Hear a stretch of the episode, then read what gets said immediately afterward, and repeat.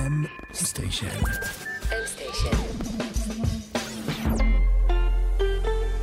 מבית מייקרוסופט בישראל. שלום וברוכים הבאים לעוד פרק של Buzzword, מורה נבוכים. כמו תמיד בחלק ב' וגם בחלק א', נמצא איתי אור וייס. שלום עמית שוורצנברג. שלום שוב בחלק ב'. כן, בחלק ב' של הפרק שלנו על Kubernetes, אה, ואחרי שצללנו שם לעומק, אתה יודע מה צריך לעשות. להתפלסף האם חלק ב' של Kubernetes הוא בעצם חלק ב' גם של קונטיינרים? או לחזור לבית ספר, או להכניס את עצמנו ל cluster עם כל האנשים שאנחנו צריכים כדי לקבל ביחד את ההחלטה. בוא אני אלמד אותך איך עושים מזה כסף. אה, אולי שווה שנדבר עם מישהו שהוא באמת מבין ב production, מפתח שמגיע עם אה, תעודות מכאן ועד הודעה חדשה, אה, ובן אדם מקסים בלי שום קשר. אבישי, שלום, מה שלומך? מה העניינים? פעם ראשונה שקוראים לי בן אדם מקסים אגב. זה מטריד. אז אל תתרגל, כי אנחנו עוד מעט נעבור לקללות. אז כאילו המקסים זה ככה לרתח אותך, תגלה את כל הסרטות איך עושים כסף במרנדיס, ועוד רגע אנחנו נתחיל לתקוף, אז תיזהר. אתה צריך להבין שבעולם של הסיסטם ואופריישנס, מקסים זה מילת גנאי. אה, מצוין, זה פתח לו טוב. כן, אז uh, אני אבישי, אני היום uh, Developer Advocate ב Scylla, ש Scylla זו חברה שעושה High Performance uh, Scalable Distributed Database עם מלא מילים כאלה נוספות שמודבקות לזה. Uh, בגדול זה כמו קסנדרה, אבל בערך כמו מהיר פי 10. אבישי, כמובן אנחנו לא יכולים עכשיו לזרוק פה Buzzwords בלי להתייחס אליהם, להגיד בקצרה, Cassandra ו Scylla זה דאטאבייסים שדואגים לעבוד ב scale מאוד גבוה, עם המון המון מידע, המון המון נפח, ולספק availability, זמינות גבוהה. וכמובן דאטאבייסים זה איפה שאנחנו שומרים את המידע שלנו. לפני כן עבדתי בכל מיני מקומות שונים ומשונים, בין השאר גם בוויקס, אה, הייתה תקופה שהייתה לי חברת ייעוץ אה, שרצה אה, משהו כמו שש שנים, ובמקור במקור אני בכלל מהאוניברסיטה העברית. אה, ששם הייתה הנגיעה הראשונה שלי עם אה, קלאסטרים וחישוב מבוזר וכל מיני דברים כאלה, אה, שאחר כך זה התגלגל להיות כל מיני דברים כמו Kubernetes. מגניב. אז דיברנו המון על Kubernetes היום ועל קונטיינרים ועל האתגרי ops סביב זה, ואתה יודע, השאלה הקלאסית שאנחנו שואלים תמיד זה, איך עושים מזה כסף? אז כרגע מי שעושה מזה כסף זה בעיקר ה-Cloud Providers, שהם מסתבר יודעים לעשות כסף מהכל, אפילו מה open source. אה, לגבי אנשים אחרים זו שאלה מצוינת. אה, הדרך הכי טובה לעשות כסף מתשתית זה להריץ עליה משהו ש... שיש לו איזשהו business model אחר. זאת אומרת לעשות איזשהו SaaS או חברת סטארט-אפ מעל זה. הדרך הכי טובה לדעתי לעשות מזה כסף. אז uh, אני אשאל אותך ככה אפילו שאלת עומק. אז אבישי, כשאתה בעצם אז עובד עם uh, לקוחות של Scylla, או כשאתה עבדת בעצמך בתור uh, מי שעובד על production, כשאתה עובד עם Kubernetes, מה אתה אוהב בזה, מה לא, איפה היתרונות, איפה החסרונות? אה, קודם כל, אם להיות לגמרי כנה, אני לא אוהב את Kubernetes בכלל, אבל... אה, לגיטימי. לטעמי הוא נורא נורא מסובך ומורכב, הוא פותר את כל הבעיות בעולם בערך ועוד קצת, ואני לא, לא כל כך אוהב מערכות שהן אה, מאוד גדולות ומסובכות. זה אחת הבעיות הגדולות איתו, האמת, שהוא פשוט מערכת שפותרת המון המון בעיות, ולכן הוא מאוד גדול ומורכב. ואם זה לא מספיק גרוע, אז אפשר גם להרחיב אותו עד אינסוף. יש שם איזשהו קונספט שנקרא אה, CRD, אה, Custom Resources, ובגדול זה מאפשר לך להרחיב אותו עוד ועוד, שזה לאו דווקא דבר רע, זה אה, באמת מאפשר לעשות פתרון להמון המון בעיות, אבל מצד שני זה אומר שכשאתה אומר Kubernetes, אתה לא באמת אומר משהו אחד ברור, כי השאלה היא איזה Kubernetes, איך הוא מקונפג, איזה פלאגינים יש עליו, איזה custom resources יש עליו, וכל Kubernetes אה, הוא למעשה סוג של snowflake, אה, אה, פתית שלג ייחודי, וקשה מאוד בעצם לדעת, כן, אם, אם הדבר הזה הוא אותו דבר כמו Kubernetes אחר, הוא יכול מאוד מאוד מאוד שונה.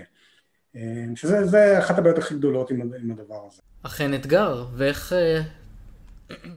אז יש כל מיני דרכים להתמודד עם זה, יש את הדרך של לעשות איתו כמה שפחות, כן, ויש את הדרך השנייה שזה להפוך אותו לפלטפורמה העיקרית שלך, ללכת all in, ולהחזיק אנשים שמבינים בזה, וגם לכסות אותו בשכבות אבסטרקציה נוספות. אז יש כל מיני פרויקטים שמנסים לעשות את השימוש ב Kubernetes יותר פשוט, Helm למשל, שזה כלי אוטומציה מעל, מעל Kube, ועוד כל מיני כאלה, שזה עוזר באיזושהי רמה, והכל חוזר ל... האם אתה מסתכל על הדבר הזה בתור איזושהי תשתית עיקרית לעניין הפרודקשן שלך, או שאתה מסתכל על זה כעוד כלי? נגיד אולי פה שה... האנשים שמתמחים בזה, אז באמת יש עכשיו ביקוש בגלל המורכבות שיש כן. לזה, וזה אולי דרך טובה לעשות מזה כסף למי שרוצה, ללכת ולהיות production engineer שמתמחה ב Kubernetes. אני מכיר לפחות איזה ארבע חברות שמחפשות אנשים כאלה. אבל אולי אפשר לומר ש... כן, יש לזה היום. אולי משהו שאפשר לומר זה שלאו דווקא כדאי אה, אה, בתור מישהו שנכנס לנעליים האלה להגיד, תשתמשו ב Kubernetes, אולי עדיף להשתמש במשהו אחר. אה, מה עוד אתה רואה, איזה עוד אופציות יש? אז, אז קודם כל יש פה שאלה מאוד מעניינת, כי צריך לעשות הפרדה בין Kubernetes כמשתמש ובין Kubernetes כ, כמפעיל שלו, זאת אומרת מתחת לפני השטח. באמצע יש את ה-API של Kubernetes, כשאתה מדבר על הצד של המשתמש, או לצורך העניין אפילו המפעיל, אבל מהזווית של מישהו שמשתמש ב-API, אז אתה מדבר על עולם שלם של כלים שמדברים מה-API של Kubernetes, זה יכול להיות כלים של אה, אורקסטרציה ו, אה, וכלים כמו Helm כדי לעשות deploy לאפליקציות, וכלים שמתממשיקים אליו, של, אם זה בילדים ו monitoring ומה לא. ויש את הצד של הבן אדם שמחזיק את Kubernetes, זאת אומרת שמתעסק בלנהל אותו על מכונות ואת המכונות שמשרתות את Kubernetes וכל הדברים האלה, שזה עולם אחר לגמרי. ושני העולמות האלה יש להם את המורכבויות שלהם ואת האתגרים שלהם וגם את, ה, את העבודות שלהם שהן מאוד מעניינות ו, וטובות, כן? הבעיה זה שיש גם חברות מאוד מאוד גדולות שהמומחיות שלהן זה להחזיק את Kubernetes, אה, לצורך העניין כל ה-Cloud Providers היום מציעים hosted Kubernetes ולמעשה די חיסלת את העבודה של מי שמחזיק את Kubernetes אם לקחת את Kubernetes מאחד ה-Cloud Providers, זאת אומרת לא לגמרי אבל אה, בוא נגיד שהעלמת חלק גדול ממנה, אוקיי. זה עדיין לא אומר שאין הרבה עבודה בצד השני אז שווה אולי באמת uh, לזרוק פה כמה רפרנסים. Uh, אז יש לנו נגיד את uh, GKE, Google Kubernetes uh, Engine uh, על גוגל, יש את uh, uh, EKS על, uh, על AWS, על אמזון, יש את AKS. או, ב... תודה. כן, עמית מחכה, נו תגיד כבר משהו של Azure, תגיד כבר משהו של Azure, יושבים לנו פה מייקרוסופט על הראש. אז יש בעצם אוסף של פתרונות כאלה שנותנים לכם Kubernetes מוכן שאתם יכולים לצרוך אותו בענן ולהתחיל לפרוס עליו את הקונטיינרים שלכם. כמו שאבישי אמר, זה באמת דרך קלה, יותר קלה להתחיל עם Kubernetes. אני חושב שזה עדיין, גם, אה, גם אם אתה לוקח את הפתרון הזה, עדיין נשאר שם לא מעט עבודת DevOps. אז אם אני מבין נכון, אין שום אה, צורך להחזיק בכם עם כל השירותים האוטומטיים האלה, ואתה מפוטר. אה, כן, אז אחד, אם אנחנו שנייה נעזוב רגע בצד Kubernetes, לדבר על הבעיה הכללית, אז אחד הדברים שקורים אפשר להגיד בעשר שנים האחרונות, מאז שה-clouds התחילו להרים ראש, זה שיש כל הזמן דיבור על זה שכאילו יש פחות עבודת DevOps ואופרציה, ולמעשה מה שקורה זה ההפך, יש יותר. כי כמו כל דבר שטכנולוגיה שמאפשרת לנו לאטמת חלק מהעבודה, אז מה שאנחנו עושים איתה זה אנחנו פשוט עושים יותר. יש יותר כבישים, יש יותר מכוניות, יש יותר מחשוב, שיותר קל להפעיל, אז יש לנו יותר אפליקציות. זה בעצם אה, כמו המהפכה בעולם התעסוקה, כן? ש... אה, רובוטים החליפו אנשים במפעלים, כן. אבל אה, במקום שהיו פחות עבודות, נוצרו יותר עבודות. מישהו צריך לתחזק את הרובוט, מישהו צריך להעביר את ה... וכן הלאה, ולתכנת אותו, ולהעביר את הסחורה, וכן הלאה וכן הלאה. ממש כמו מודל T המפורסם של פורד, אבל אנחנו לא נבוא, נצלול כל כך אחורה בזמן. כן, כן זמן מקולקלת. או נשמור את זה לפרק אחר, אולי על הפרק אה, המכוניות אוטונומיות. האמת שזה פרדוקס ידוע, הוא נקרא פרדוקס ג'בונס. אז דיברנו עכשיו קצת על ה... בעצם איך Kubernetes נצרך היום, על האתגרים שיש שם. איך אתה חושב זה ייראה במורד הדרך? אז uh, יש איזושהי תופעה מעניינת. אפילו כשאתה מסתכל על Cloud Providers היום ואיך הם, הם נותנים את השירות הזה, יש לך כאלה שאומרים בסדר, אנחנו רק נחזיק בשבילך את הקונטרולר כמו גוגל ואתה תיקח אה, מכונות משלך ותריץ עליהם Kubernetes, שזה קצת מוזר כשאתה חושב על זה, כי אני, אני הרי רוצה לשלם ל-cloud שלי לפי כמה משאבי מחשוב שצרכתי, אני לא רוצה לקחת עכשיו מכונות שאולי אני לא... המלא את, את כולן, למרות שלגוגל זה מעולה לחייב אותך על ה-overhead שלהם, אבל, וכמובן יש את היותר קיצוניים שזה גם לחייב אותך ל-controller, ואז יש את המודל שכרגע אה, אמזון אה, מובילים, אבל כנראה שכל ה-clouds יתיישרו לפיו, שזה אנחנו ניתן לך את ה-API ונחייב אותך רק על הקונטיינרים שצרכת בפועל, הם קוראים למודל הזה Fargate היום, לגוגל יש משהו דומה ב-Cloud Run, גם מייקרוסופט כמובן, ובסופו של דבר זה כנראה ילך לשם, וכנראה שמה שיישאר לרובנו מה-Kubernetes זה רק ה-API. זאת אומרת, אף אחד לא יחזיק Kubernetes בעצמו, למעט כמובן תמיד יש בשוליים מקרים מיוחדים, יש קוסטומיזציה ו-on-prem וכל מיני דברים כאלה. אבל למעט המקרים האלה כנראה שכל מה שישאר זה API, קצת בדומה למה שקרה ל-Docker, אה, עכשיו, אה, לא יודע כמה אתם מעודכנים, אבל Kubernetes הכריזו שהם יורדים מ-Docker, למשל. כן, כל מה שישאר מ-Docker כרגע זה רק הפורמטים. משאירים רק את containerd. זה רק containerd, CRI-O למשל ועוד כמה, אבל, אה, אבל כן, זה בעיקרון מה שקרה, הם עושים דפרקציה ל-Docker, נשארים רק עם כאלה שהם, אה, שהם יותר מודרניים, תומכים ב-CRI. שווה אז שנסביר פה אולי ככה למאזינים, נחדד, אז אה, יש מגוון אה, מרכיבים של ניהול קונטיינר, דיברנו על זה קצת בפרק על קונטיינרים, אבל מעבר לאורכסטרציה של הקונטיינר עצמו, יש גם ממש את הרכיב שיודע להריץ את ה-image שלו, ממש לטעון אותו כמשהו שרץ, ועד עכשיו הרכיב בזה של Kubernetes היה מבוסס על הרכיב של Docker. אבל בעקבות אה, שינויים בתעשייה, וגם קצת בגלל ש-Docker לא שיחקו יפה, אה, בעטו אותם החוצה, עכשיו אה, באופן רשמי כבר לא תלויים בהם. אה, בתוך Kubernetes. זה לא אומר שאי אפשר להמשיך להשתמש ב-Docker, ועדיין הרבה אנשים ממשיכים, אבל Kubernetes בתוך עצמו משתמש במשהו אחר. אז שנייה לפני שנקשרה רכילות תעשייה, מה זה Docker לא שיחקו יפה, אני רק רוצה ככה להשוות את זה לעולם יחסית פשוט, כי רצנו פה עם המון Buzzword והרבה מונחים. תחשבו שפעם היה לכם DOS, ולא היה גרפיקה ולא היה UI, ואז הגיע ווינדוס, החיים לא נהיו יותר פשוטים. פתאום אפשר לעשות יותר דברים מה-DOS, אתם לא צריכים לזכור את הפקודות בעל פה, את ה- CD, DIR ומי שזה החזיר לו טראומת עבר, אבל אתם, פתאום קפץ לכם פתאום Excel ו-Word וכן הלאה וכן הלאה, וכל המוצרים של מייקרוסופט, שאני יכול להזכיר על הפרק, אה, אבל אה, כן אני רוצה לחזור לאורח אה, המיוחד שלנו וכן קצת לשמוע על רכילות. מה הכוונה ב-Docker לא שיחקו יפה ככה למי שעדיין לא בתוך התעשייה? אז ל-Docker הייתה בעיה מאוד מאוד קשה. הם בנו מוצר שהוא כמוצר היה מאוד מאוד טוב, ובאמת הצליח להביא את הקונטיינרים לכולם. הבעיה היחידה שלו היא הבעיה של השאלה שאלת קודם, איך עושים מזה כסף? ופה הדוקר נפלו, כי באמת הם לא מצאו שום מודל שאפשר לעשות איתו כסף מדוקר. ואז הם התחילו אה, להקן את המוצר כדי לעשות, אה, לעשות ממנו כסף. ובדרך גם כן הם לא כל כך אה, הסכימו לעשות שיתופי פעולה עם, עם חברות שהם ראו בתור מתחרים שלהם. ובסופו של דבר החברות האלה פשוט, איך נאמר, איתרו אותם, כן? כי אה, על טכנולוגיה בסיסית כמו דוקר אתה לא כל כך יכול לגבות כסף, אתה כן יכול לגבות כסף על מוצרים משלימים, אבל אם כל המוצרים המשלימים זה מסופקים על ידי חברות ש... שאתה לא שותף שלהם, אז בסופו של דבר אין לך כל כך מאיפה, מאיפה לעשות כסף. אם רק אה, ככה, אתן... אם אתה רוצה להיכנס לרכילות, כן? לא, לא, אני חושב שזה החלק המעניין כשאתה חי את השטח, אתה יודע, בגלל זה אתה פה ככה...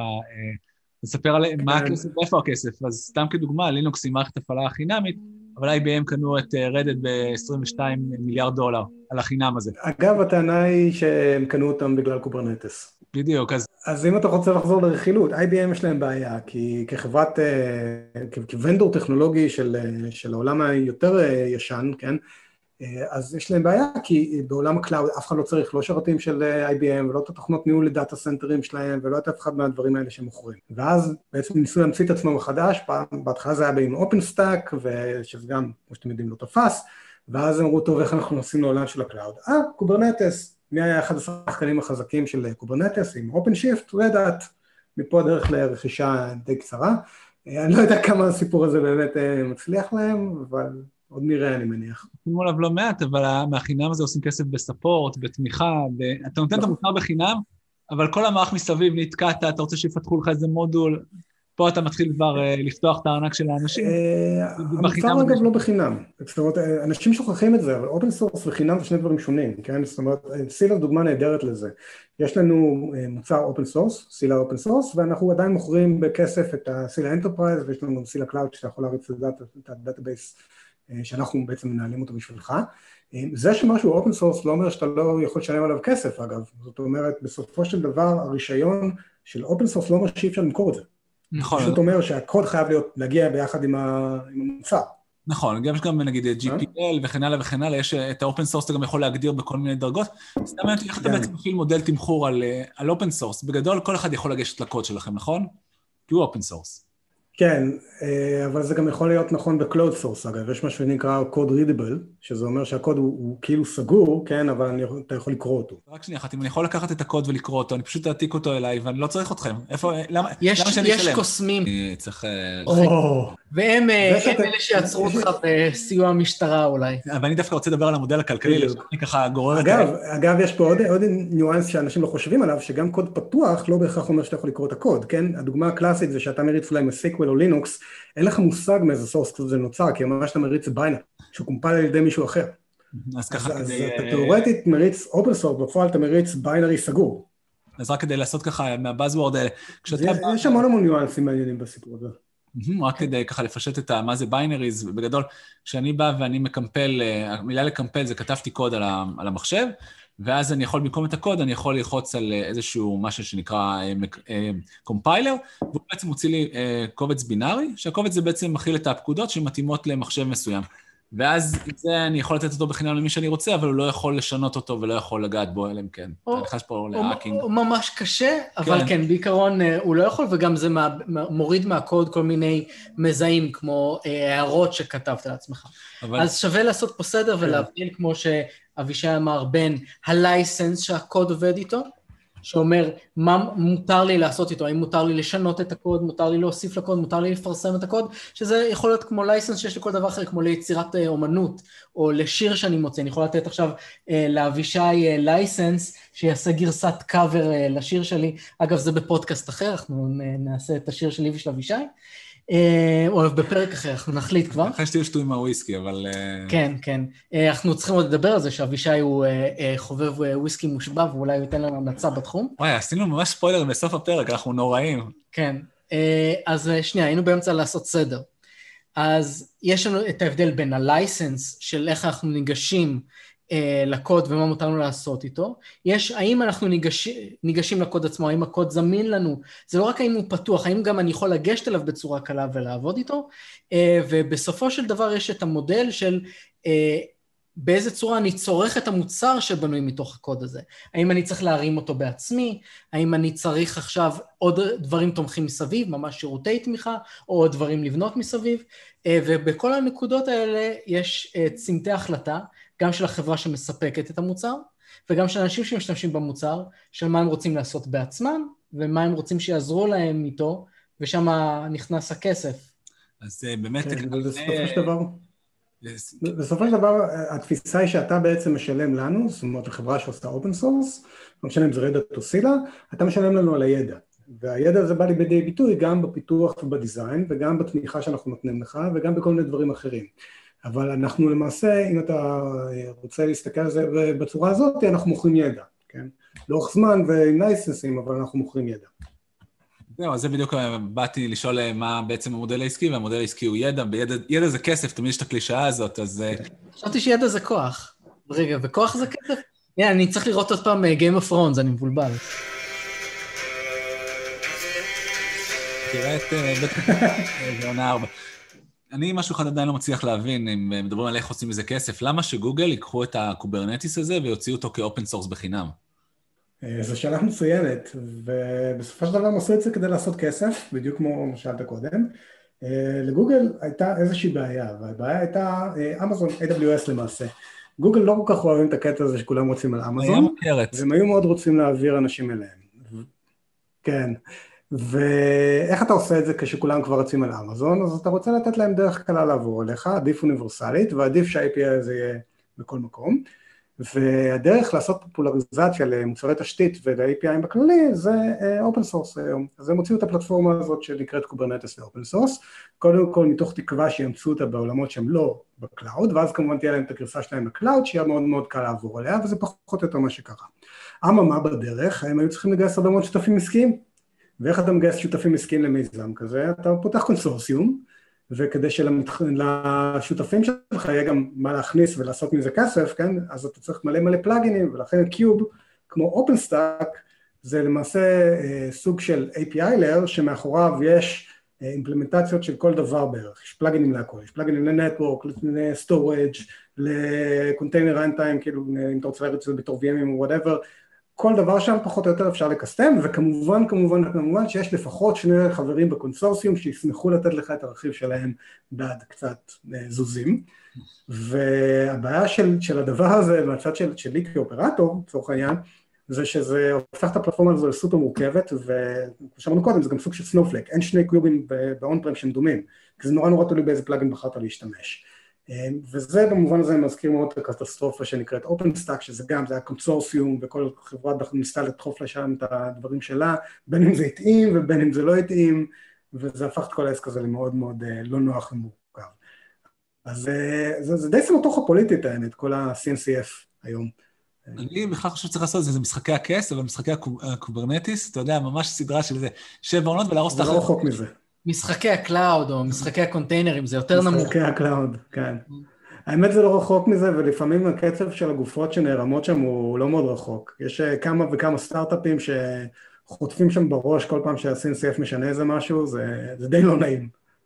באופן כללי זה ecosystem שיש בו המון ענקים שמהלכים בו, אה, גוגל כן. אחת מהם, אמזון עוד אחת, וסטארט-אפים שלפעמים רצים להם שם בכיף, יהיה, אני הולך להיות סטארט-אפ גדול, ואז באים ונותנים להם כאפה ומוחקים אותם.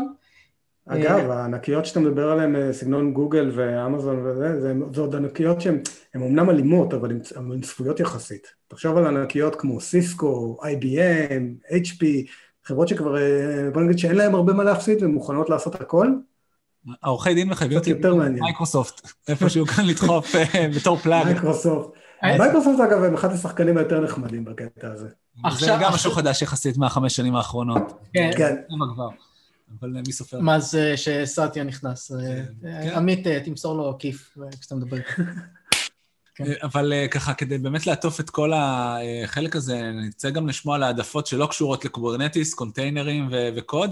אתה, מה יש לך להמליץ למאזינים הנאמנים שלנו? וואה, הרבה דברים. קודם כל, אל תריצו Kubernetes, אם אתם לא חייבים, כי, כי באמת, sysadmin ים, אחד הדברים שאנשים לא, לא מבינים על sysadmin ים זה ש sysadmin ים זה היצור הכי עצלן בעולם. כמה שפחות לעשות יותר טוב, אז כאילו, אתה, אם אתה לא חייב להריץ משהו, אתה לא מריץ אותו, ואם אתה יכול לפתור משהו ב bash script של שתי שורות, אז אתה פותר את זה ב bash script של, של שתי שורות. אז זו ההמלצה הראשונה, כאילו לא לעשות שום דבר שלא חייבים, והדבר השני זה שאם אתה כבר עושה את זה, אז לפחות תעשה את זה עם כוס של קוולן סוליסט, שזה אחלה וויסקי. זה בהחלט... אה, אה, יש הבדל בשנים שאתה ממליץ? אה, האמת שזה קצת, זה נקודה מעניינת בוויסקים, כי השנים לא כל כך אומרות הרבה כמו שאנשים חושבים. קודם כל, כאילו גם כשכותבים שנים, אז זה הוויסקי הכי צעיר שנכנס לתערובת, ומעבר לזה, זה שוויסקי יתיישן יותר זמן, זה לא בהכרח אומר שהוא יותר טוב, ואם זה לא מספיק גרוע, אז גם יש הרבה מאוד וויסקים של חלקם מעולים, שלא כותבים עליהם הצהרת גיל בכלל. אז אה, ככה, אור הציע לעשות vodcast לפני כמה פרקים, אז אני חושב שזה יכולה להיות אה, פתיחה טובה גם בשבילנו. זה מעולה, שמעתם את זה כאן. אה, לא בהכרח להשתמש ב Kubernetes, תעדיף אולי פתרונות יותר פשוטים כמו Fargate למשל, ולא משנה מה, הכל יותר טוב עם כוס וויסקי טובה ליד. אה, אבישי, המון המון המון תודה, היה כיף לארח אותך אצלנו. ואחרי הקורונה יהיה יותר כיף לשתות איתך וויסקי, נראה כן, לי כן, נראה לי אנחנו קובעים לוויסקי, מאזינים, אתם מוזמנים גם, אה, אם אתם תצליחו למצוא אותנו.